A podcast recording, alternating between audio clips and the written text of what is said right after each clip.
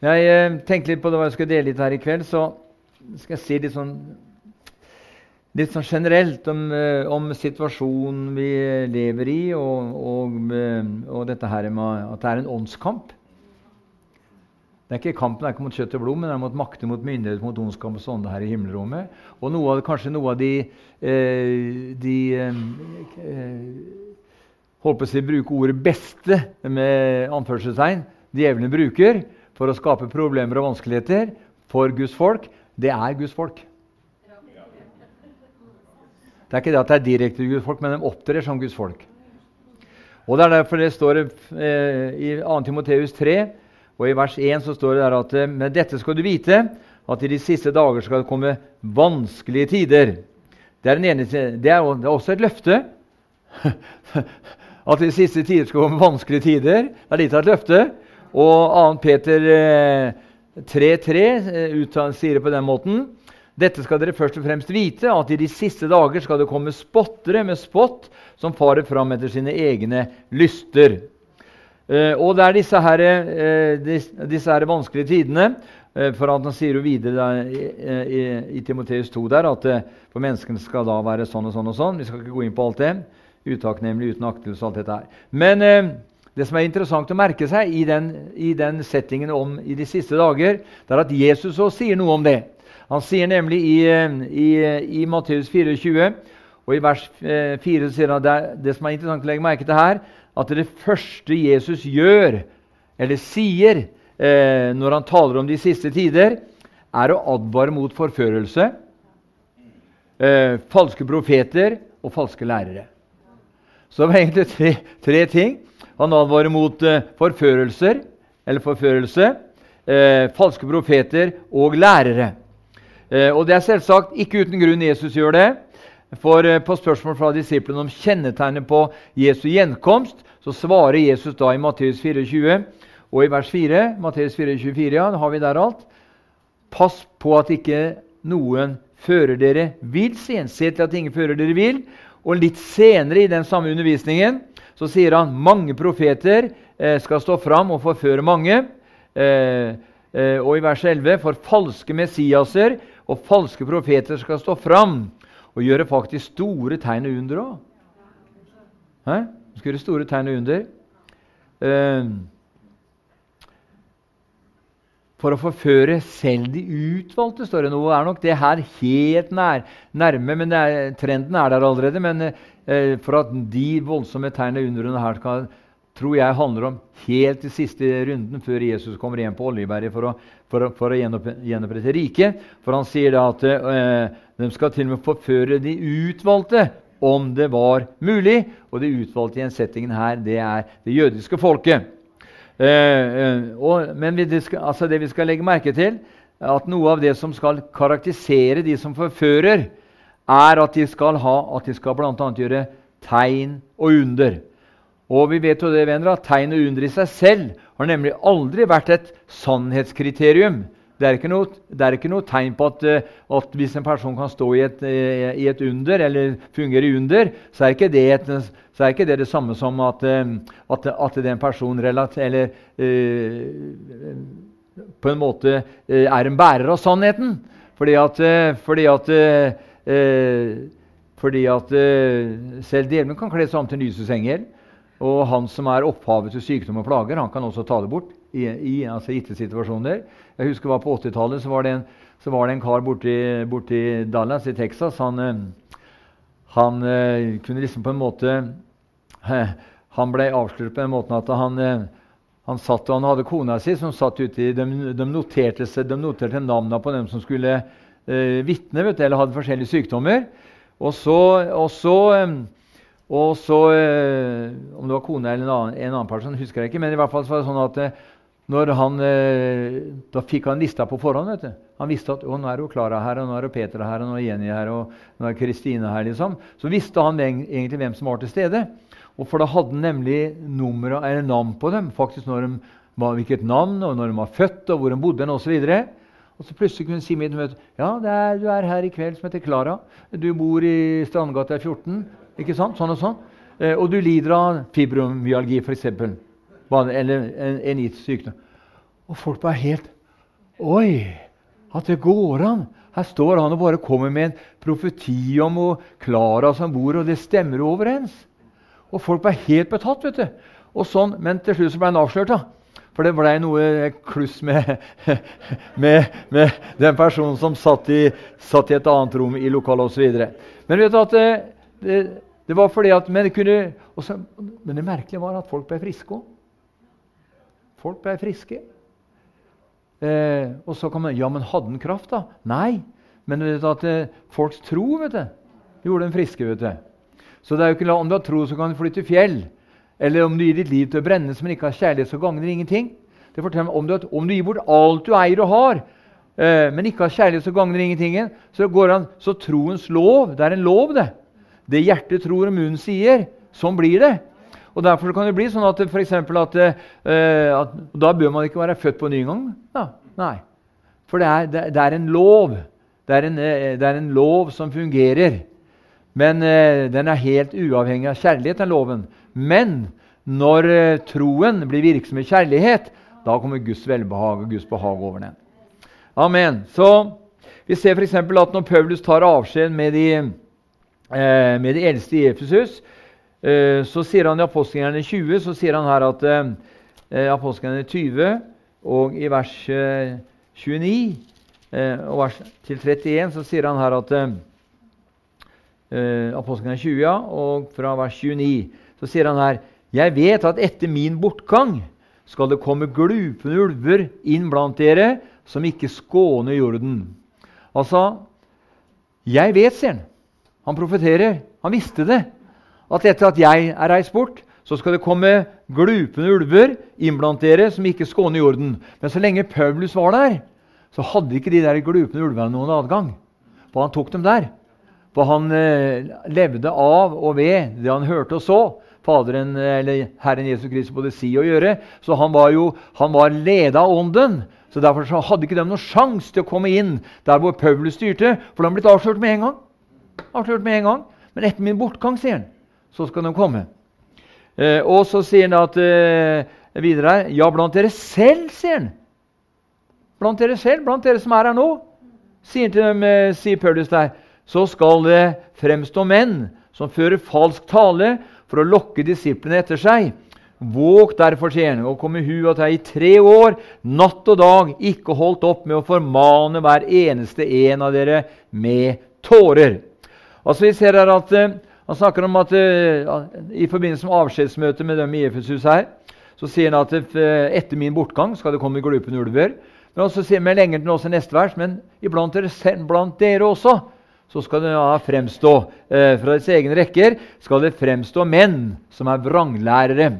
Og kanskje noe av det vanskeligste for deg og meg som er frelst og født på ny i dag, og vi vet Jesus kommer snart, er å på en måte Det er en åndskamp og det å kunne skille mellom hva er det som, som Jesus står bak, og hva er det som er eh, eh, fake, holdt jeg på å si, eller en etterligning, men som ikke har sitt opphav i sannheten, som er Jesus Kristus.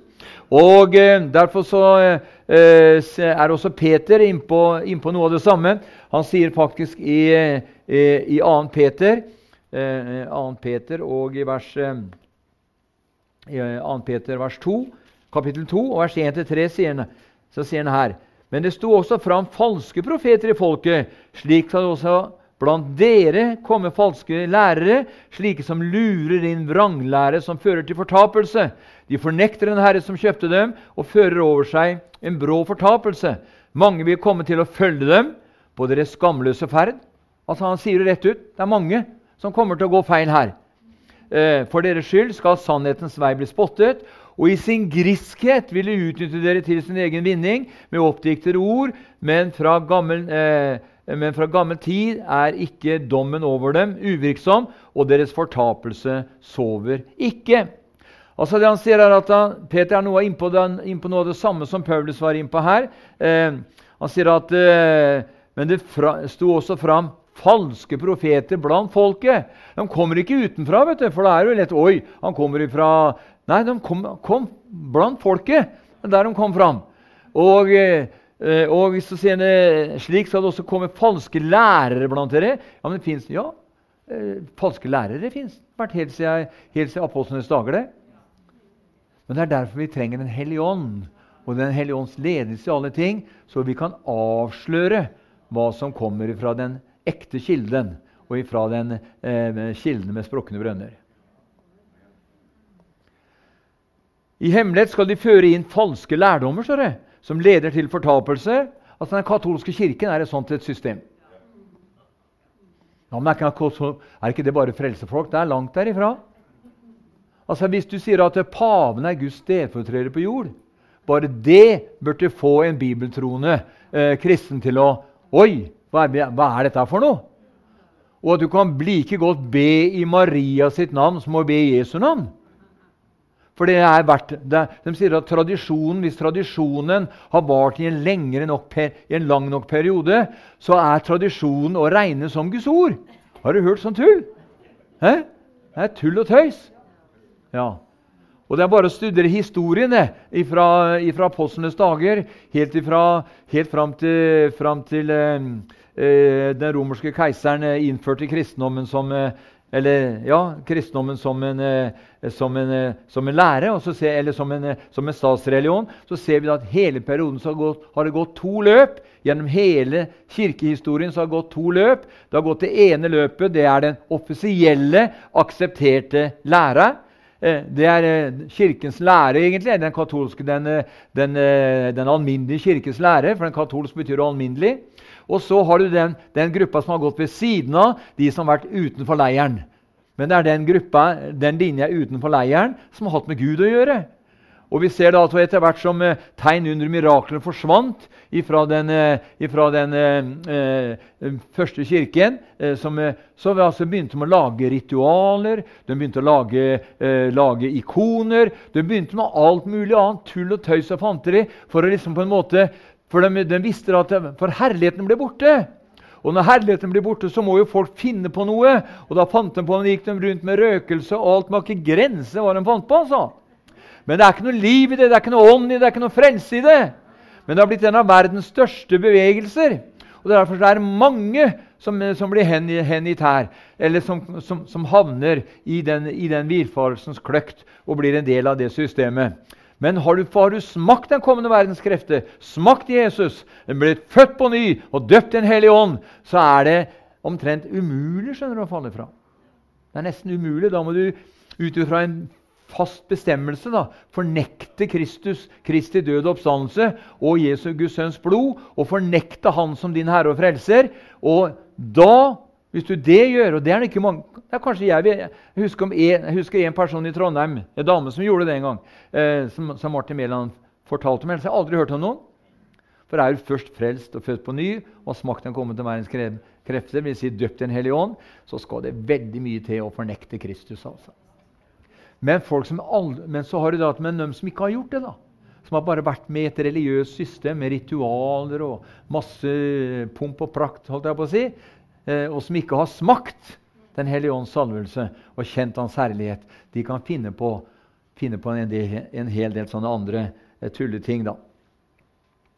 Det står at de skal fornekte den Herre som kjøpte dem, og føre over seg selv en brå fortapelse.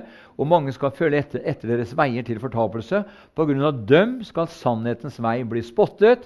Med grådighet og forførende ord skal de utnytte dere. I lange tider har dommen over dem ikke vært virksom, eh, sier, altså, sier Peter. Eh, eh, og deres fortapelse slumrer ikke. Nei, den, den kommer til slutt, hvis de ikke vender om. Fortapelsen ligger og lurer på dem. Og eh, eh, Derfor er det sånn at eh, det er én Herre, én tro, én dåp, én Gud, alles far osv. Så, videre. så det er jo ikke så er ikke plutselig blitt tre dåper, f.eks. Enhver dåp er jo hellig for Gud, er ikke det? Nei. Foreldrene mine døpte meg eh, når, i Metodikirken fordi at jeg var et gudsbarn. Metodikirken døper fordi at du er et gudsbarn. Lutheranerne døper for at du skal bli et Guds barn. Men den troende ståp der står at de lot seg døpe når de kom til troen. Det er noe helt annet. det. Men det er det for få, de skulle ha det inn i former. vet du. Og inn i, eh, Så man liksom kunne ja, Skal ikke bruke noe mer tid på det. Men det er, det er bare sånn det er. Vi ser f.eks. Eh, eh, Jesus sier i Matteus 7, vers 15.: Disse forførerne, sier han, kommer til dere i fåreklær, men som innvendig er rovlystne ulver. Og det er klart at eh, det, er klart at her er det glupske ulver. Eh, og, eh, og, og, i Judas vers 4 sier at de har sneket seg ubemerket inn. Mange av dem er flinke folk. skjønner du. Og veldig flinke, mange av dem. Dyktige i sitt håndverk. og Velutdanna, mange av dem. Veldig, men vet du at Gud ser ikke Vi hørte her, Inger Lise her, at Herren han bevarer ditt hjerte framfor alt som bevares. For selve livet utgår fra det. Men det er mange som har sånn enorm kunnskap og så også enorm eh, eh, viten at de, Vi må høre på han. Han er jo høyskoleutdanna. Men det spiller ingen rolle, det vel, hvis det strider mot Guds ord. Vet du hva Paulus sa? Sier i Filippebrevet 3, han begynner der i vers 2-3, eh, så begynner han å gjøre en liten oppramsing før han, eh, før han skal avslutte tjenesten sin her. Så sier han, at, eh, så sier han at han var opplært ved Gamale sine føtter. Han var, han var professor vet du, i, i Gammeltestamentet teologi. Altså Paulus. Han kunne alt. Han var fariseer, og han kunne alt om både farisisme og sadu, eh, sadukeernes lære. Han kunne alt. Han kunne ikke bare de ti bud, men han kunne eh, de der 630 eller 33 seremonielle forskriftene på rams. Han kunne alt. Han var krystall, han var dyktig, og han var opplært eh, ved Gamaliel sine føtter så var det da, som var dagens hovedprofessor. Men så sier han det. Men, sier han, kommer til vers, eh, han regner alt som skrap.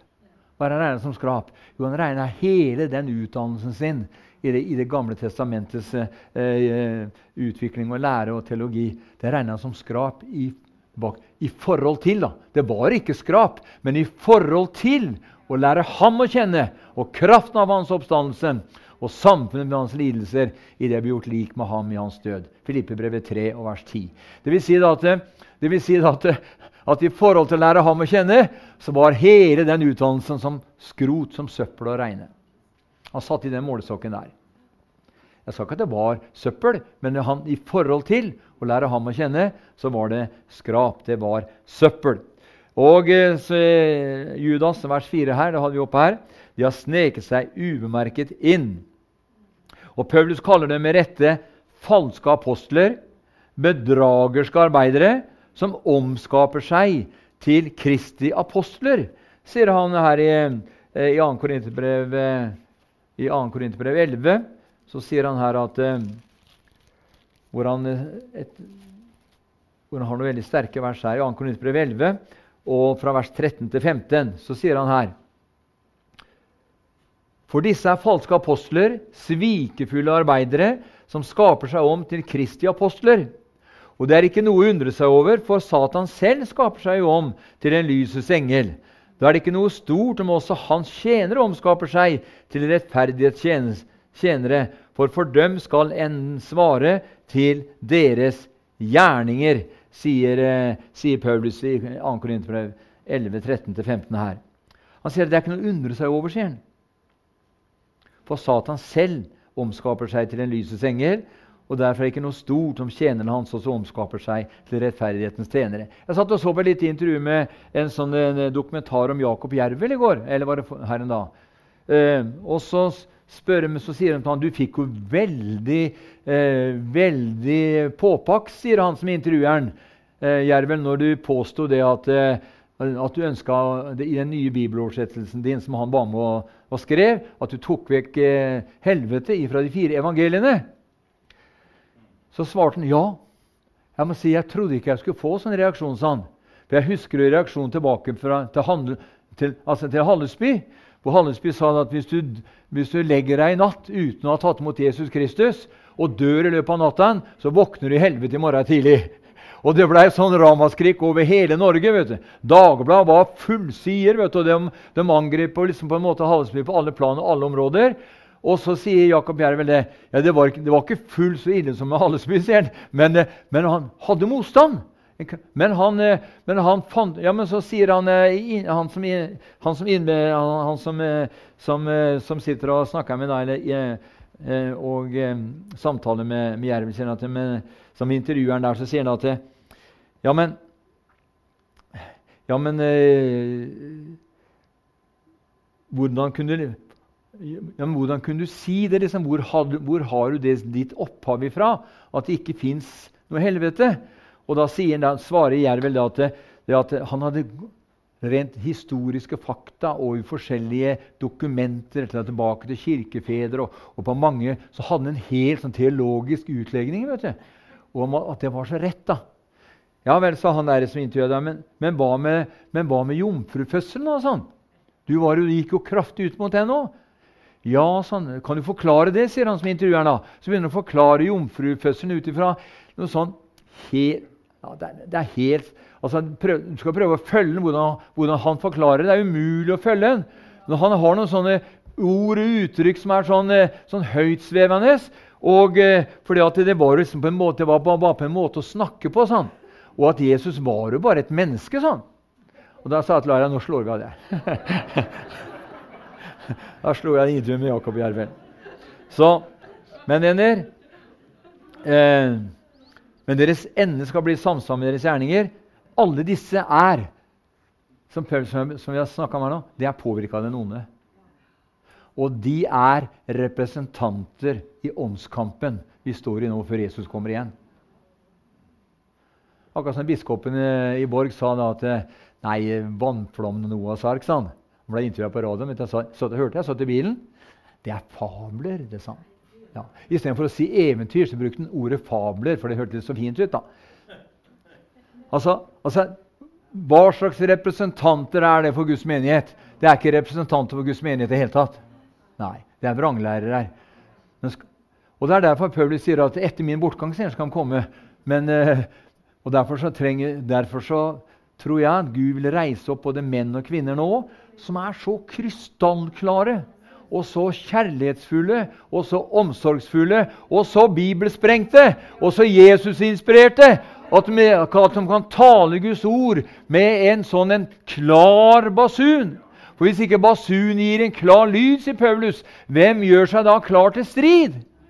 Vi er ikke lik en bokser som bokser sånn i, i, løse lufta. Nei, vi er lik en bokser som vet hvor vi skal treffe hen, og slår slik at vi treffer. Og Derfor er det så viktig at vi forstår dette her, at, uh, at uh, kampen er ikke mot kjøtt og blod, men mot makter, mot myndighet, mot ondskap og sånt her i himmelrommet. Og disse falske lærere, profeter, apostler og hva det måtte være, de er inspirert av den sataniske ånd. Av den sataniske ånd. Og de roper høyt, mange av dem òg. Sånn, når skulle, Elias skulle slåss med Balsprofetene, eh, så ser du at de, skulle, de, de, gjorde en avtale. At de skulle, de skulle lage to, altså, eh, to offer, offerhauger. Og så skulle, så skulle de Og den Gud som svarer med ild, han er Israels gud. Og så sier Elias så sier han til den Bals, det får begynne dere, sier han. Og de begynte å rope og påkalle Bal og sin gud. og Ingenting skjedde. Og, og til, slutt ropte de høyere og høyere og skrek høyere og høyere. Og til slutt så fleiper Elias med dem og så sier han at kanskje han er på avtredet, kanskje han er på toalettet. Så de bare for, og til slutt så skrek de som var helt eh, hjalp ingenting. vet du. Men, så bare, men Elias hadde sier far, sier han. Bare løfta hendene. Poff, sier det. Så faller ilden. Og ikke bare for, fortære ilden alteret, eh, eller offeret på alteret, men jeg slikker opp alt vannet rundt, eh, i ringen rundt alteret òg. Og da, da går han til aksjon. Da halshogger han 450 Balsprofeter. Nå var det 400 profeter til, astarteprofeter, men uh, han halshogg dem der og da. Men, det, men det, det hjalp ikke hvor høyt de ropte. vet du. Og det er Sånn er det med de falske lærere, falske profeter og falske apostler. De holder på med sitt. Og det handler om meg og mitt og min fortjeneste. Og mitt, jeg skal ikke bare ha ett slott, men jeg skal ha fem slott, for alle skal se at jeg er velsigna. Altså, det er jo hull i huet, egentlig. Vet du hvordan de ser at du er velsigna? De ser på måten du og jeg er på. Vi er brever, lest og kjent av alle. Amen. Halleluja. Så det er to rike venner som kjemper om mennesket som, som, kjemper om menneskehet. Det er Guds rike, og det er djevelens rike, og det har vært helt, eller Satans rike, og det har vært helt siden Adam og Eva. Vi skal lese noen vers i 5. Mosebok 30. Eh, I 5. Mosebok kapittel 30 eh, så står det her eh, 5. Mosebok kapittel 30 og fra vers 11. Det er vers som du sikkert har hørt. og Jeg skal ta lese dem man dem allikevel. I 5. Mosebok 30 eh, og vers 11. For dette bud som jeg gir deg i dag, er ikke for høyt for deg, og det er ikke for langt borte. Det er ikke oppe i himmelen, så du må si, hvem vil fare opp til himmelen for, uh, for oss og hente det ned, og la oss høre det, så vi kan gjøre etter det. Det er heller ikke på den andre siden av havet, så du må si, hvem vil fare over havet for å for oss å hente det til oss, og la oss høre det, så vi kan gjøre etter det. Men ordet er deg ganske nær. Gjenkjenner dette ordet her ifra, ifra Romerbrevet 10. Men ordet er deg nær i din munn og i ditt hjerte, så du kan gjøre etter det. Se, jeg har i dag lagt framfor deg livet og det gode døden og det onde. Jeg byr deg i dag å elske Herren din Gud og vandre på Hans veier og ta vare på Hans bud og Hans lover og Hans forskrifter, så du kan leve og bli tallrik. Og Herren din Gud, skal, eh, og Herren din Gud kan velsigne deg i det land du kommer inn i, og du skal ta i eie. Men dersom ditt hjerte vender seg bort, og du ikke vil være lydig, men lar deg forføre og tilber andre guder og dyrker dem, da forkynner jeg dere i dag at dere skal gå helt til grunne. Dere skal ikke leve lenge i det land som du nå drar over til, eh, over Jordan, for å komme inn i og ta det i eie.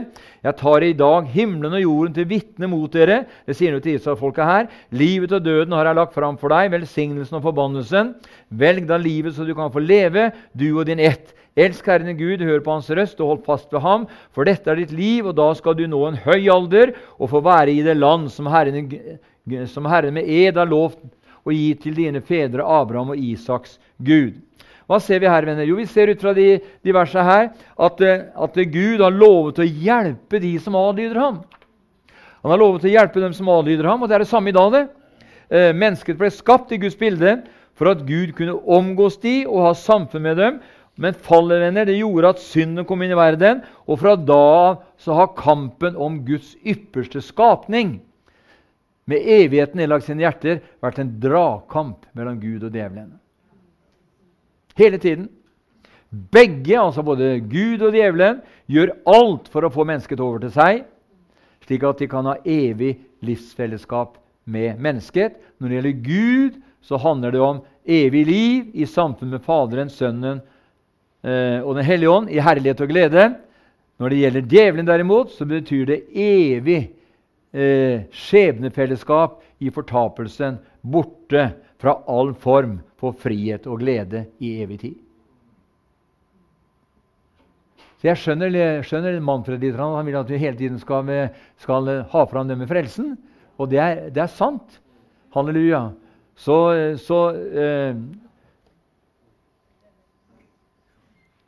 Så det å gå fortapt, det er, det er et evig skjebnefellesskap i fortapelsen, borte fra all form for frihet og glede til evig tid.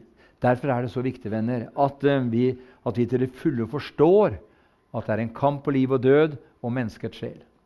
Er, vi er jo frelst født på ny, så for oss er jo, er vi, vi, vi, har gått over fra døden til liv, fra Satans makt og til Gud.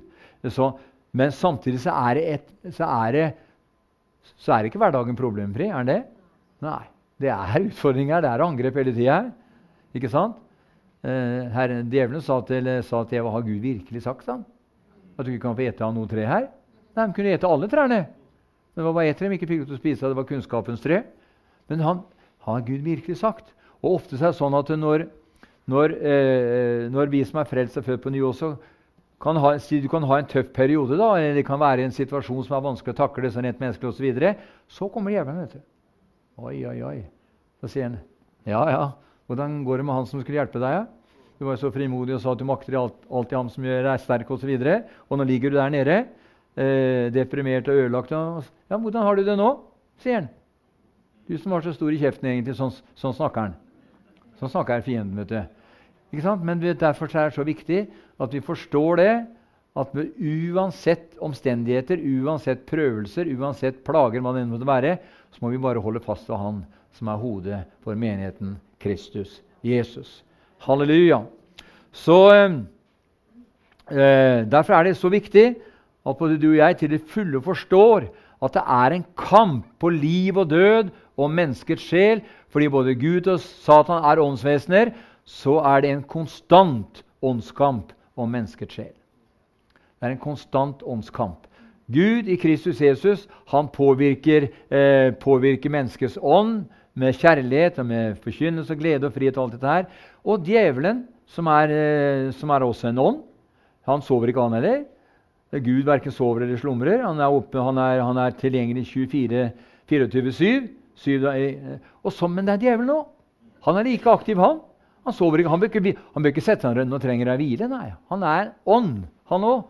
Og han har, var jo i sin tid eh, nest inntil Gud i den himmelske verden og har en enorm kraft og styrke ut ifra den sfæren og den makten han har gitt, eller er gitt og har, som han hadde fra, evig, fra begynnelsen av den dagen han ble skapt. Men han har ingen rett og ingen makt over deg og meg, som er en ny skapning i Kristus Jesus. Så derfor, av den grunn, av den grunn venner, så må det være mer ånd bak alt det som skjer og hender, og ikke bare kjøtt og blod. For vi har ikke kamp mot kjøtt og blod. Og når det blir kamp som ikke er mot kjøtt og blod, da er det åndskamp. da. Ikke sant? Ja, for vi har ikke kamp mot kjøtt og blod. Derfor sier Paulus, det sier han da i Efesbrev 6, vers 12, vi har ikke kamp mot kjøtt og blod, men mot makter, mot myndigheter, mot verdens herrer i dette mørket, mot ondskapens ånde her i himmelrommet. Så det vil si at uh, så lenge vi er her, på, er her, på, jorda og vi ikke har blitt tatt, uh, reist hjem til himmelen ennå, så er det en åndskamp. Det er en kamp. Og, uh, og, Det er derfor det er veldig viktig at vi forstår at det er ikke at det med å være frelst og født på ny og tilhøre Jesus og prise Gud og løfte opp navnet Det er ikke noe sånn det er ikke noe sånn foreningsopplegg. Altså liksom, ja, ja, ja. Nei, du, enten er du født på ny, eller så er du ikke født på ny. Og det er stort sett de som ikke er født på ny, men har den hele teologiske eh, rekka i huet. Eh, de er farlige. De er livsfarlige. For nemlig, De kan, de kan trille et, et uforstand eller, eller, et menneske eh, trille rundt vet du, med sin kunnskap og kunne vri og vrenge på saker og ting.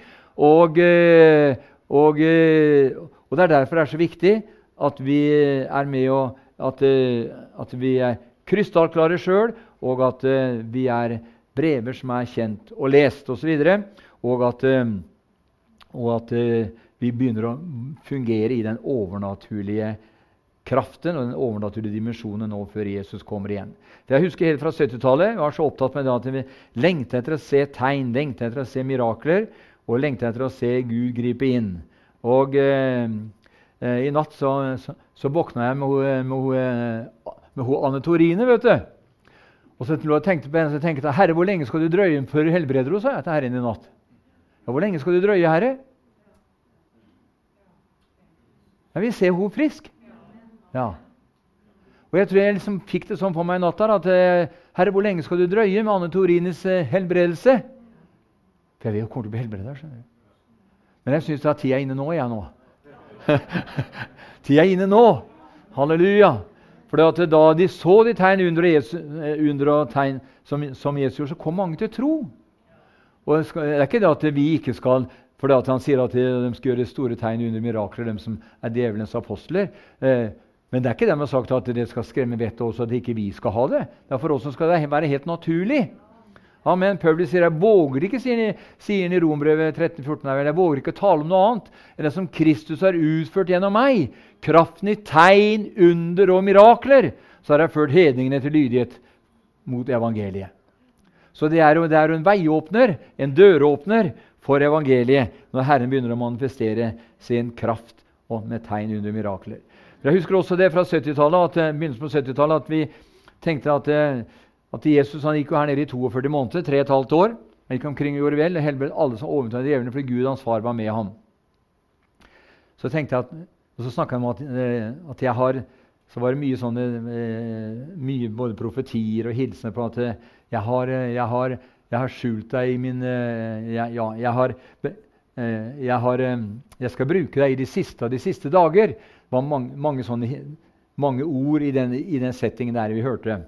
Og da tenkte jeg mange ganger at ja, men eh, Jesus holdt jo på i 42 måneder. han. Det er ikke mulig den siste vekkelsen blir på 42 måneder òg. Altså. Men det er bare en tanke, da. Men altså, vi tror på For at eh, Han sa det Oral Roberts. Han var jo helbredsevangelist. Han var jo og han underviste, han bygde universitet og alt mulig. Men han, hans, eh, tid som helbredelsesevangelist var ti år. Og da, han, da var han så kjørt i, i kroppen. Eh, for det, det, kraften må jo gå gjennom et legeme. da. Der, så, så, det var en tiårsperiode da. Men jeg tror da at Gud hele tiden vil reise opp nye sånne Oral Roberts her og Katrin Kuhlmann her og alt mulig. Ikke sant? Så Hun spurte Katrin Kuhlmann en gang, eh, en journalist, at eh, hva er, hva er, årsaken til at, det, at, at, du kan bli brukt så voldsomt og så mektig av Gud? Og Da svarte Katrin Kuhlmann eller, hun spurte, eh, eller han spurte når skjedde det at Gud begynte å bruke deg så mektig. Og Da svarer Catherine Kuhlmann det skjedde når jeg døde bort fra meg selv, sier hun. Når Catherine Kuhlmann døde, sa hun, da begynte det. Da begynte det. For da var det ikke henne lenger det handla om. Nå, jeg, og Det er derfor som jeg opplevde for en del år siden at på en måte, jeg sa det vel her nå, at Gud sto liksom sånn. Vi ropte til Gud om eh, han måtte gripe meg. Så sto, akkurat som Herren sto sånn, så sa han at eh, så opplevde jeg sånn, sånn, i mitt hjerte da, at eh, Gud står med, med hendene på bryst, eh, foran seg sånn, og så bare venter han til at vi blir ferdig med vårt. Og når du og jeg blir ferdig med mitt og vårt Amen. For det er nemlig sånn at Gud deler ikke sin ære med noe menneske. Han deler absolutt alt, men ikke, no, men ikke, sin egen ære. Det var nemlig det som fikk Lucifer til å falle, som var den fremste.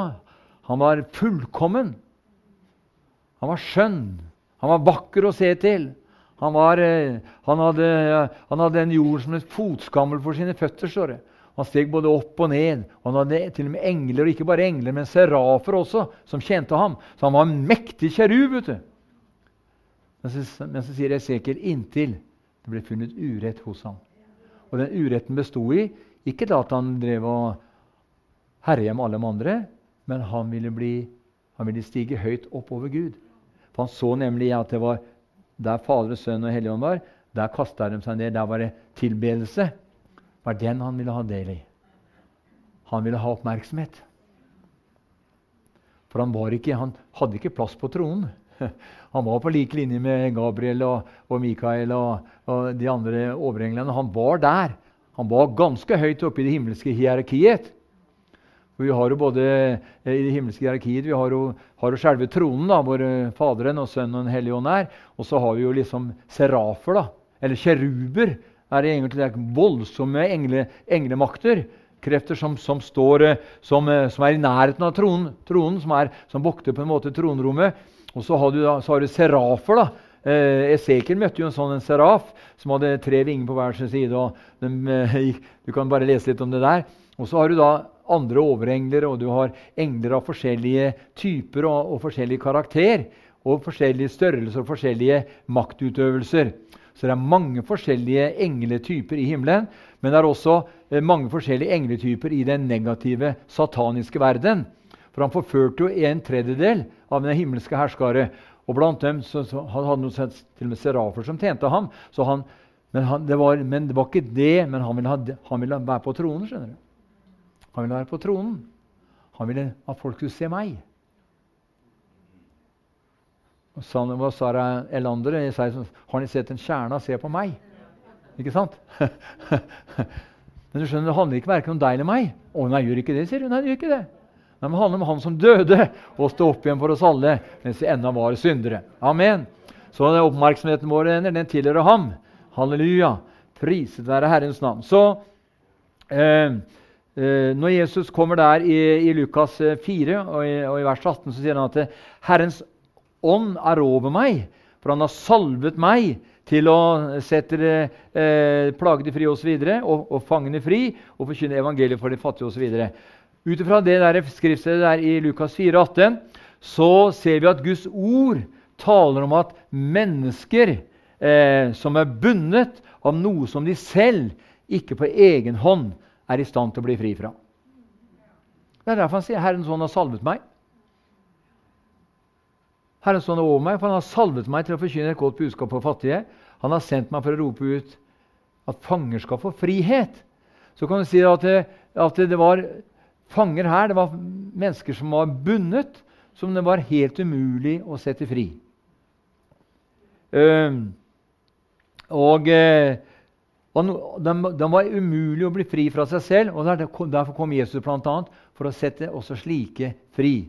Han sier vel i Markus 3, altså 3,23.: Ingen kan gå inn i en sterkes hus og plyndre hans hus før han først har bundet den sterke.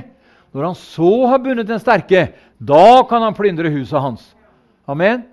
Så, så, så er det noe vi trenger i den der tiden vi lever i nå, så trenger vi Guds kraft på en helt spesiell måte. Nei, jeg vil se tegn under mirakler, jeg. Når Israelsfolket skulle ut av Egypt når de kom til, kom til Rødehavet, så var egypterne bak dem. For farao angra på at han hadde sluppet dem. vet du. Han slapp jo en hærskare av, av, arbeidere som bare jobba for maten. Ikke sant? Eh, og så, så, hørte de, de hørte dem bak, og der sto de ved Rødehavet. Og da sier og de begynner bli, de, de begynner å bli nervøse i hele, hele, altså hele herskaren der. Og, så, og, Moses var ikke helt sikker heller. Men så sier Herren til Moses, 'Hva har du i hånden?' sier han. Jo, han hadde jo fått Guds stav i hånden. Det var først Moses' stav, men etter at han møtte Herren i ørkenen, så ble staven gjort om fra Moses' stav til Guds stav. Og så sier, Herren til, så sier Herren til Moses, 'Rekk den ut', sier han. Så strakk den ut over, over Rødehavet. Så delte det seg i to. Det er et mektig under. Meltari-vekkelsen var, 50, var det slutten av 40- eller midten av 50-tallet. I Indonesia så var det en sånn vekkelse. vet du, Titusener frelst, og det ble, og den ble så forfulgt. vet du. Og så var det sånn at eh, For muslimene forfulgte jo. Eh, og så kom de til og De, de, de snakka om at Peter gikk på vannet, men hvis du leser historiene om eh, Meltari, eller Meltari-vekkelsen i Indonesia, så ser du da at hele folkeskaret gikk over. altså. Den gikk på vann over. For da var det maktpåliggende for Gud å få dem over. Og Sånn var det ved Det røde havet òg. Det var maktpåliggende for Gud å få israelsfolket over på den andre siden. Amen. Og i samme i dag, venner, det er maktpåliggende for Gud og Jesus Kristus Den hellige ånd å få deg og meg hjem. Amen. Halleluja. Og på den veien hjem venner, så kan det hende at vi kan møte på situasjoner som, eh, som, kan være vanskelige, og det kan være rent menneskelig sett uovervinnelig. Men da, få, da, da, men da, er Gud med. skjønner du. Det er mange ganger Gud har redda både meg og deg uten at uh, du og jeg har uh, kanskje vært klar over at Gud grep inn. Og nå var jeg heldig, sier vi. Ikke sant? Nå er det flaks. Men det flakset var kanskje at det var Gud som var der. Amen. Jeg husker jeg var på Livets Ord. Dette var på, dette var på uh, begynnelsen på 90-tallet. Først var på, altså på Livets Ord på 92-93.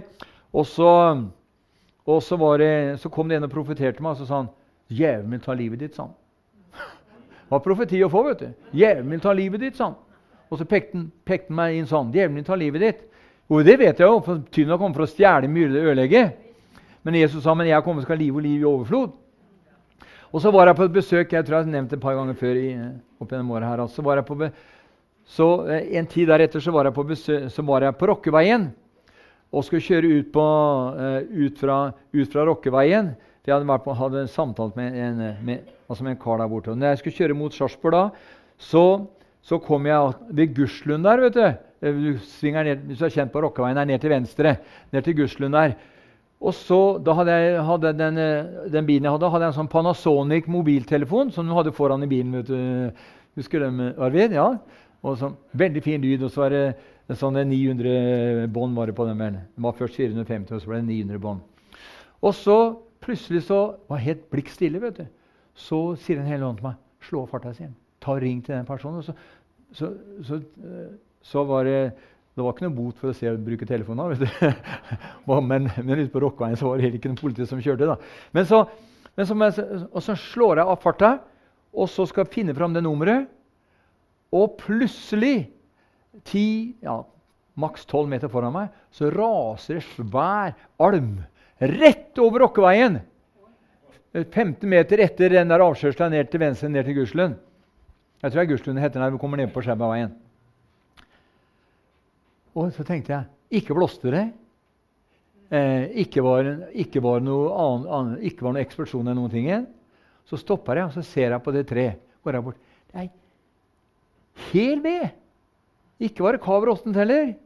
Og da minner jeg meg Gud på det, på det. Han som ville ta livet ditt, han prøvde noe. Og så kom jeg ikke den veien på, Jeg ringte til lensmannskontoret da, og sa at det er tre som er hverdag på Rokkeveien. Så jeg bare rygga tilbake og så kjørte Gudstuen og ned til, og ned til eh, Så jeg havna nede ved Sarpsborg stasjon. Nei, jeg mener Skjeva stasjon. så, men du tar at tyven har kommet for å stjele, myrde og ødelegge. Du vet at jeg, Da var jeg klar over det, men det kan være mange tilfeller i våre liv eh, eh for at det er en åndskamp hvor djevelen forsøker å sette, sette feller for oss. Eh, hvor Gud griper inn, og så er det ikke alltid vi har Oi, da var jeg heldig, du. Ja, Men Gud var der med deg der. Amen. Så ja.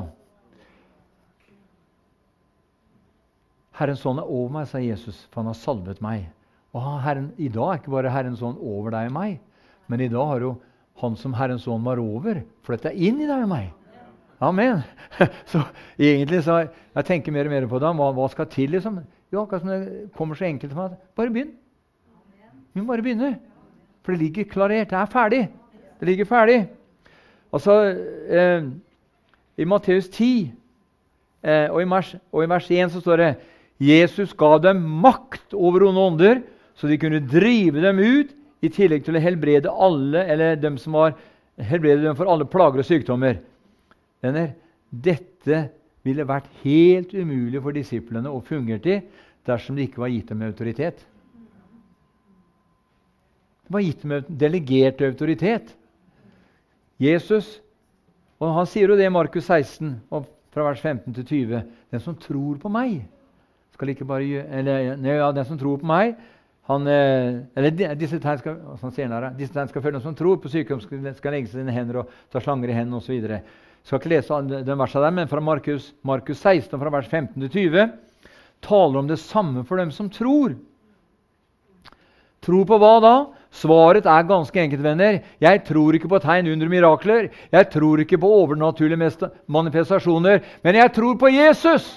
Det er det det handla om. var det Herren sa til meg i går kveld jeg satt og så på det, så på det jeg skulle preke meg her i kveld. Så skrev jeg her Tror på hva da? Svaret er tror på Jesus. Vi tror ikke på tegn, vi tror ikke på mirakler, vi tror ikke på ditt og vi tror ikke på datt. Men utgangspunktet vårt for det, det er at vi tror på Jesus. Amen. Halleluja. Så vi, svaret er vi tror på Jesus. Halleluja. Og Vi ser f.eks. i Matteus 12 og vers 22-23 så ser vi her et tilfelle av en som både var stum og blind. Han var både stum og blind. Jesus helbredet ham, så han både kunne tale og se. Hvor er dømmender i dag som er i den situasjonen? Som verken kan tale eller se. Som er på institusjoner. Stort sett er de på institusjoner. Jeg husker som nyfrelst jeg sa til, det var, det var i eh, februar i 75. Jeg gikk bort til han eh, ledende eldste ute i Betania, eh, Skjeberg. Han heter, han heter, Olav Johansen. Så sier jeg til Olav at jeg har fått det sånn på meg. Så vi skal dra på VM nå, så, så skal vi tømme hele VM sykehus. og så, så titta han på meg, og så sa han 'Hæ, hva er det du sier?' sa han. jeg kjenner må, vi må dra til VM sykehus og tømme hele For jeg hadde var så ivrig på det. Folk skulle bli satt, satt fri. vet du. Og så titta han på meg, og så så han på meg, og så sa han Nullund, sa han, det tror jeg er altfor tidlig, sa han. Altfor tidlig. Så han liksom han tok eh, liksom Lufta gikk ut av ballongen med en gang. Vet du, jeg var så gira vet du, skulle dra på VM. men, eh, men vet du, egentlig så kan det bli helt naturlig, det. Ja. Nå helbreder Jesus helbreder alle syke som kom fra hele Syria. Så ikke mange det var. Det kan være mange tusen. Han helbreder alle sammen. Uh, I dag så befinner de stumme og blinde seg, venner, bl.a. på institusjoner. Og Herren sier til oss her i kveld de skal settes fri. De skal settes fri på, ved din og min lydighet. Ved din og min lydighet til ordet ånden. For autoriteten er allerede gitt oss i Kristus Jesus. Det er ikke noe vi skal få. Vi er satt i himmelen med ham for allerede her i tiden herske og regjere med ham, sier Efesbrevet 2. og vers 6 er det vel. Så Vi ser også for et, et annet tilfelle da, i Markus 9. Jeg skal ikke lese alle, alle versene her, men fra Markus 9 og fra vers 17 til 29 så ser vi at en døvstum ånd blir drevet ut, og vi ser at nøkkelen her, eh, i tillegg til troen på Jesus Kristus, er bønn og faste. Er bønn og faste. Og eh, ja, men det er, det er, det har gått ut på dato. Det har ikke det. Men vi ser her at eh, i tillegg til troen på Jesus, så ser vi her at eh, bønn og faste. Og Da, må jeg tenke på det, da kom jeg til å tenke på det med Lester Summerall. Han fortalte når det brøt løs vekkelse i Manila. vet du. Når han var der nede, så hadde hun spurt om å få leid den derre øh, og han derre øh, ordføreren eller han sjefen der i rådmann eller by, bydirektøren eller hva han var, som var sjefen der, han, han øh, han, eh, han nekta han liksom, for han ville holde møte, store møter. vet du. Så han spurte om å leie, leie en stadion der. var det, tror jeg det var. Så han lå borte ved en flyplass. For Han kom med, han kom med eget, han hadde eget fly. Han, vet, han kjørte sånne, de gamle grønne. For med, Når han kom på møtekampanjer, så hadde han med seg både mat og, og uh, nødhjelp. Han, vet du. Uh, og, uh, men så, så, så, sa han der, bysjefen til henne at jeg hører dem altså, sier at du ber for syke og, og, og løse, og løse bundne, sånn. Men vi har en spesiell fange nede i fengselet her. Eh, en dame. Og hvis du kan løse henne, sånn, så skal du få låne stadion så lenge du orker. sånn. Og han gikk ned, ble ført ned, det, ned i en celle der den dama var. Hun var bundet, altså var ikke bare plaga, hun var bundet. Hun hadde klør, ørneklør på hendene sine. Så de så på veggen, så så de at hun hadde klora ned på veggen sånn. Svære på, på den der semmensveggen semensveggen nede, nede i fengselet. Svære riper var det etter klørne hennes. Og så begynner hun å begynne skal drive ut den ånden. vet du. Klarer han ikke, vet du. Så hører Den hellige ånd si Dra tilbake på hotellet og ta en tid til i bønn og i faste. Så gjorde han det. Og han kom tilbake, så kjente han da sa heller, nå kan det gå sånn. For du møter en voldsom motkraft. skjønner du. Ja. Og ånd må bekjempes med ånd. Kraft må bekjempes med kraft. Og da, når han kommer da, så blir hun satt fri. Og blir et herlig vitnesbyrd der. Og det bryter løs en vekkelse der i Manila som et resultat av at den kvinnen ble satt fri fra de demonene som bandt henne. Og det var titusener som ble frelst den gangen. Du kan lese om det hvis du leser på, ser på Lester Sømrals uh, går inn på. Han beskriver det i en av bøkene sine. Uh, noen mener også Der, faste. Ja, men Har vi noen bibelske, har vi noen nytestamentlige skriftsteder på det? Ja, Det står i, det står i Apostelgjerningen 13, vers 2. Mens menigheten holdt gudstjeneste, fastet og ba, så sa Den hellige ånd Ta ut Søvlus og Barnabas for meg til den tjeneste som jeg har kalt dem til. Ja, Så det var helt tydelig, det. Menigheten i Antiokia det var en utsendemenighet. Der, de, der var både profeter og lærere i den menigheten. Men før de ble sendt ut, så var mens menigheten holdt gudstjeneste og fastet og ba, så sa Den hellige ånd. Halleluja. Vi ser f.eks. den beretningen der i, i eh, altså Norge for Kristusvenner det ble etablert på to altså skriftsteder, nemlig Matteus 10 og vers 7-8 og Lukas vers 9, 1-2. Jeg slår ikke opp der, men han, eh, han får meg opp her, han Kristian eh, så raskt. vet. Matteus 10, eh, vers 7-8. Gå for kjenne himmelriket er kommet nær. Helbred syke, vekk opp døde, gjør spedalske rene og driv ut onde ånder. Gi som gave det dere fikk som gave. Og neste vers, eh, eller vers 80, ja. ja. Det var det, det. Det, var, det var, og det andre var Lukas 9 og vers 1-2. Det var det skriftstedet som menigheten her er stiftet, eller som det var stiftelse den gangen da, som Norge for Kristus er stifta på. Han kalte sammen de tolv og ga dem myndighet over alle onde ånder og makt til å lege sykdommer. Så sendte han dem ut for å forkynne Guds rike og helbrede de syke. Vi ser her, Det var ikke noe eldsteråd inne i Jerusalem som sendte dem ut. Det var Jesus som sendte dem ut. Og du, Hvis du leser videre av Apostelgjerningen 13, så, eh, i forbindelse med Paulus og, og Barnabas, så står det videre da de nå var utsendt av hvem da? Den hellige ånd. Han sendte dem ut.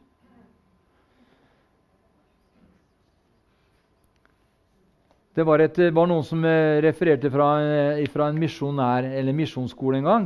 og Da spør han misjonslederen at eh, Norge har vært en av verdens største misjon, misjonsland. Eller sendt ut flest folk ut fra folketallet. Og da var det her, det, så, spurte, så, spurte, han, han skolerektoren at ja, men hvilket, skal høre med hvilket land de kunne tenke seg å reise til. da. Ja, Noen kunne tenke seg liksom Sør-Afrika og noen Sør-Amerika. og Eh, og så var det ingen som sa Grønland eller, eh, eller eh, Alaska. eller noe sånt. Men så, så, sa, og så spurte han rektoren den ene for han, gjerne, han, ville, han, ville, gjerne kunne tenke seg å være på Hawaii. Og så, og så, og så spurte rektoren ja, men hvorfor vil, du være, hvorfor vil du være misjonær på Hawaii. Jo, det er så flott klima der, sa han. Men det handler ikke om det.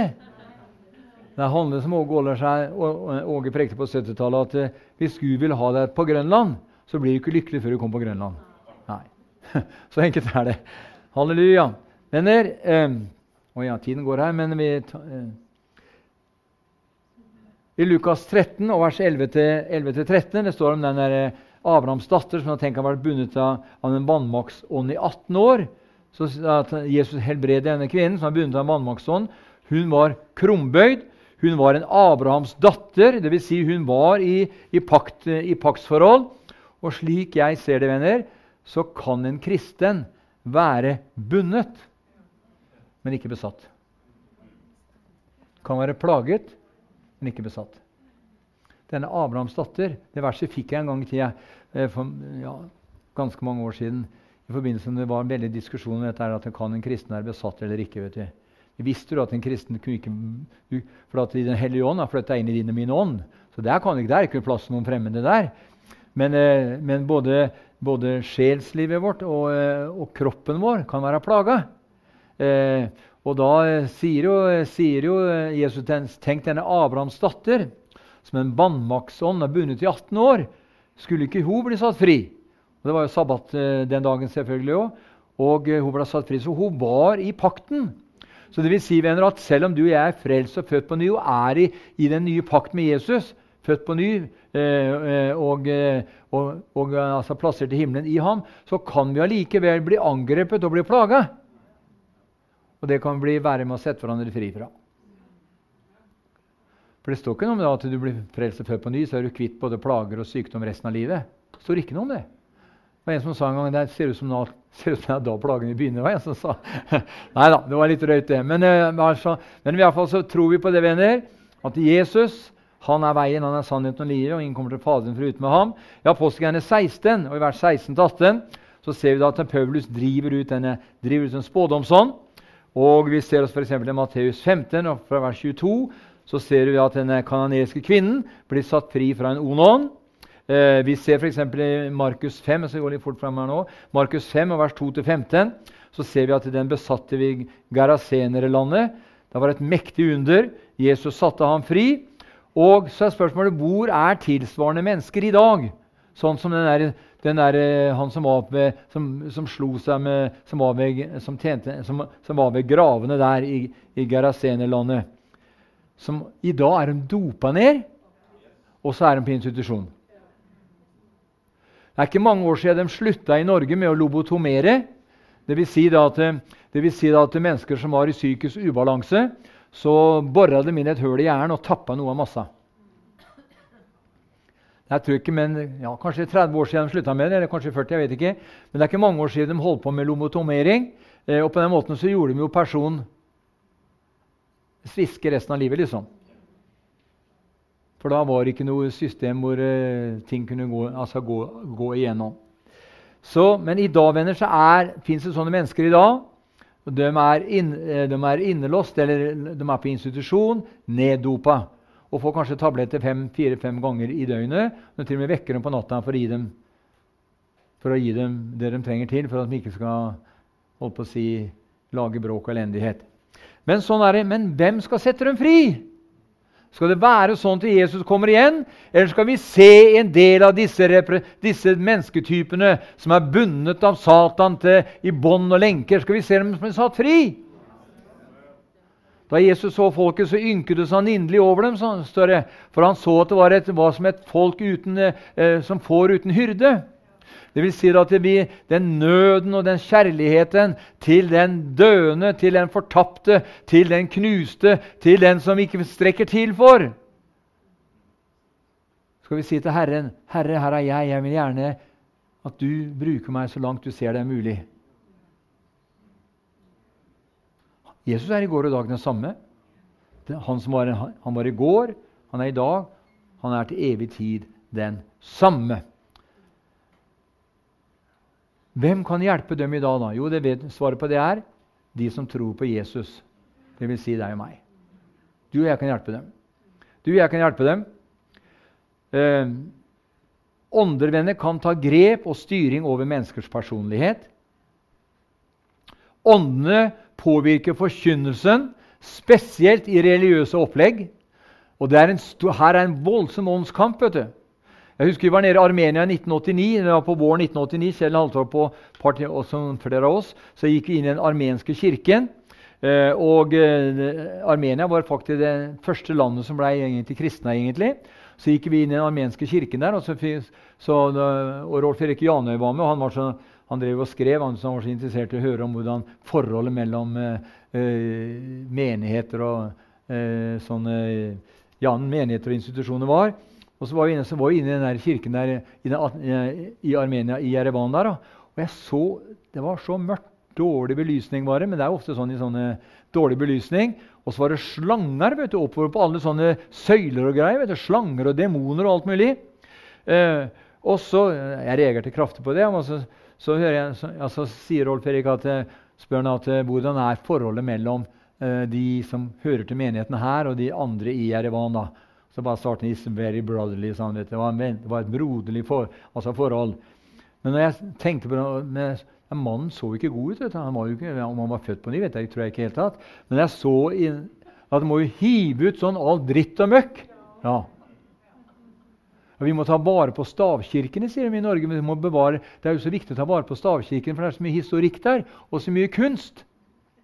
Men det er mye jævler og demonersfigurer der òg, da. Det er helt fullt ripa inn i søyler og i stolper overalt. Så jeg husker Det var, gang, det var mange mange år siden så var det en sånn stavkirke som brant. vet du. Og så sa jeg på et møte det var godt å høre seg. og det skulle jeg ikke sagt, da, for det var ikke noe positivt sagt. da. Eh, men, men hvorfor skal man ta men det er klart, denne verden de, de er historiske. De skal, jeg skjønner jo det. Men uh, altså Når Jesus kommer tilbake for å gjenopprette rike venner, det første han skal gjøre, det er å tilintetgjøre all avgudsdyrkelse i Jerusalem. Så vi kan like godt begynne nå. Det er ikke at vi skal gå over til å brenne opp noen stavkirke. er ikke det, jeg må ikke ta det sånn. Altså. Nei, nei, nei, vi skal ikke det. nei, nei, nei, nei. Men jeg bare sier at det er, det er eh, den innflytelsen de som var med lagde eller satte dem opp, de var, eh, hadde, de var under innflytelse. Og de var inf ikke, under, ikke, under, innflytelse av Den hellige ånd, i hvert fall. Hvis du, er, hvis, du er, glad i huset, eh, stua di hjemme, så setter du ikke opp svære bilder av jævla demoner på veggene. vet du. Nei.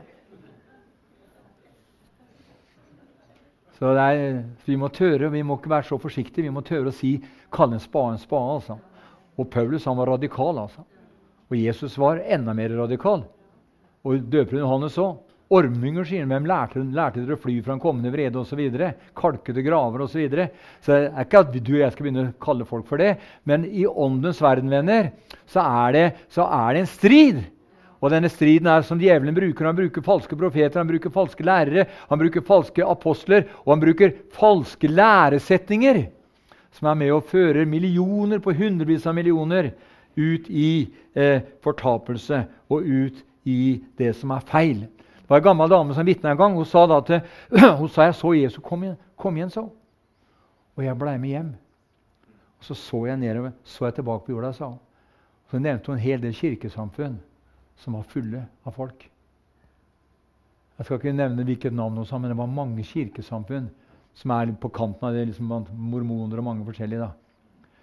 Og når, og når, og når bortrykkelsen fant sted, så var det akkurat som de våkna så.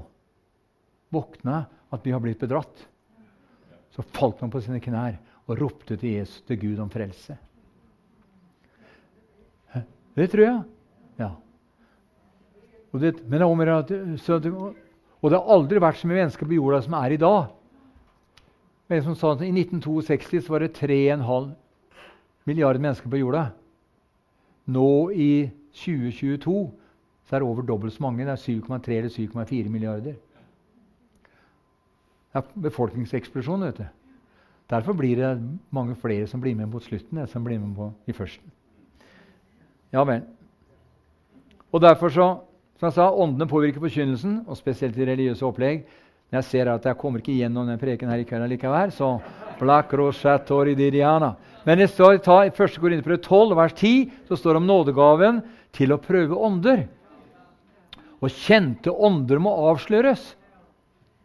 De avslører seg selv ved at de påvirker mennesker på følgende måter. Hør nå. Kjente ånder har en påvirknings... Eh, eh, eh, skal vi se den, altså Den påvirker mennesker på en spesiell måte. Og det er at æren til Gud uteblir. Æren til Gud uteblir. Og de setter både seg selv og deg og meg i fokus, og ikke Jesus. Så fort forkynneren begynner å, ikke, å eh, se på meg, holdt jeg på å si, eller at han, eh, hvordan, hvordan, mennesket kommer i fokus, da er det feil. Ja, men, er det, ja, men Tenk om de snubla bare. Ja, men jeg sier generelt så er det sånn at eh, eh, kjente ånder de må avsløres, og de avslører, de avslører seg selv ved at de påvirker mennesker på følgende måte som jeg har skrevet her. Æren til Gud uteblir. De setter både seg selv og deg og meg i fokus, og ikke Jesus. Og Derfor så sier det 1. Johannes kapittel 1. Johannes 4 at vi skal prøve åndene. Og i 1. Test, 1. test 5.21 står at vi skal prøve alt. Og i 1. Timoteus 4.1 så står det om forførende ånder. De er listige, men list kloke, men takk og lov, vi har seier over dem i Jesus Kristus. Og gaven til å prøve åndrevenner hjelper oss til å avsløre dem. Derfor er det en nådegave vi bør be om. Det står at han, Gud vil ikke at vi skal mangle noen nådegave mens vi venter på vår Herre Jesu Kristi åpenbarelse. Så gaven til å prøve ånder er en, livs, en gave som vi trenger i rikt mål nå før Jesus kommer igjen. For aldri har det vært så mye vranglære, aldri har det vært så mye feilaktig forkynnelse om endetid. Aldri har det vært så mye, uh, mye snakk om, uh, om at det tusenår ikke har vært. Og det er så masse ting som er helt stikk i strid med hva Guds ord har, lærer oss. Uh, og Derfor så trenger vi i dag gaven til å prøve ånder. Det var en som ringte meg for tid tilbake og sa at vet du, Arne, sånn at enden sånn, skjedde i år, i, år, i år 70. det sa han. Da var avslutningen. Så, eh, så, du må slutte å forkynne om endetid, for endetiden har allerede vært sånn. Hæ? Og så brukte han mange skriftsteder. altså. Endetiden har vært sånn. Opp, en oppegående fyr. Men han ble forført. Det er forførende ånder. Derfor 1. Timoteus 4,1 sier de er listige, men takk og lov vi har seier over dem i Kristus Jesus. Og Derfor er gaven til å prøve åndevenner Vi hjelper oss å avsløre dem maktkamp i samfunn, i politikken og i Guds menighet i form av intriger og manipuleringer står onde ånder bak. Står onde ånder bak. Putins herjinger i Ukraina står onde ånder bak. Ja. Men nå ser du han får problemer. Jeg snakka med Halvard på fredags ettermiddag. Og de kjører for fullt. Han passerte over 500 tonn. Og de bare fortsetter å pøse på. Nå skal Kanal 10 ha dem på en innsamling her, neste lørdag, eller? Den fjerde, ja. Nei, var den fjerde? Den andre, lørdag den andre, lørdag den andre, an, an, altså 2. april, så får de kanskje inn enda mer. Og så De undrer seg hvorfor hvorfor har ikke russeren større framgang. Det er så mange som ber. Det er for at vi ber, Det er at folket ber. vet du. Halleluja. Og nå var det en russisk general som sa nå i dag det er drept syv russiske generaler. alt, ja. Ble tatt en til i dag. Så det, det, det som kommer til det, Opprinnelig så hadde vi egentlig ikke tenkt å ta med Øst-Ukraina. vet du. Som var en russisk general som uttalte seg i natt. var det vel. Han sier da at eh, kanskje vi må bevege oss mot øst, Donbass og det der Luhansk og det området der. De klarer ikke skjønner du. De klarer ikke et land som er så dobbelt så stort som er Europas største land, og har et eh, areal som er ganske svært, og svære, spredte områder, og et land på over 40 millioner mennesker, og en hær på 300 000-400 000 har dem òg. Og Vesten pøser det på med våpen hele tiden. da, kjører inn. Så vi får bare vente og se. Jeg håpa det kunne blitt avslutning nå den, den helga her, men eh, helga er ikke over ennå, da. halleluja. Venner, halleluja. Forførende ånder.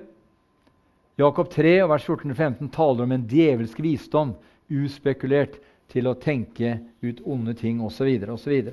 Så, men det er bare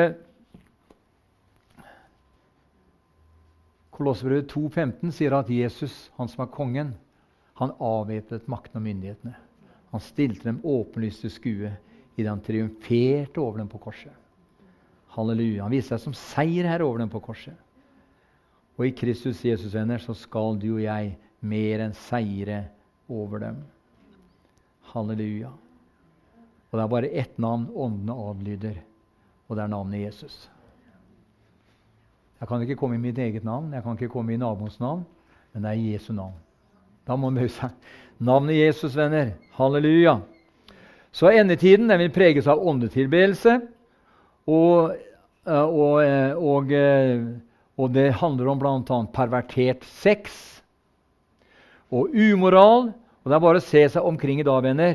Nesten all form for reklame er gjennomsyra av sex og umoral. Du kan nesten ikke til og med tine med goudaost eller jarlsbergost. Ja. Begynner å dra fram det som har med sex å gjøre.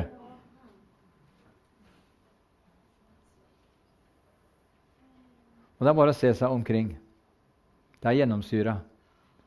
Og da blir det faktisk som Emanuel Minos når han refererte kvinnen i Valdres fra 1968, var det vel, hvor han refererer til hun som så det synet, som er midt i den tiden vi lever i nå. Halleluja.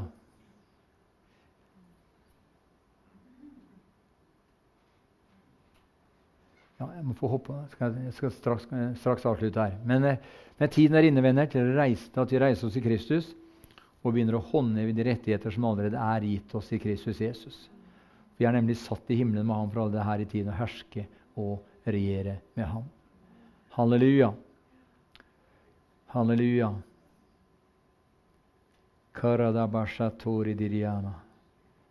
Halleluja. I dag er det du og jeg vi er, som er, har pressetjeneste. vet du. Vi har den tjenesten, vi har, tjenesten, vi har prestetjenesten. Du og jeg vi er, et, vi er et kongelig presteskap. Og i den, i den, situasjonen så kan du og jeg gjøre alt og alle ting, for alt makter vi i Ham som gjør oss sterke. Og Det som er også viktig å forstå, er at det er salvelsen som bryter åket. Det er salvelsen bryter åket. Og Jeg skrev at tiden for handling det er ikke om 14 dager eller om tre uker eller to år. Tiden for handling er nå. Du kan si 'Herre, her er jeg'. Når profeten Esaias i Esaias 6 der var det vel, møtte Herren og sånt, fikk se Se han, eh, se han, eh, eh, han tok en glør fra alteret og rørte ved hans, rørte ved hans uh, tunge. Og da sa han, 'Ved meg, det er jeg er en uren mann med urene lepper.'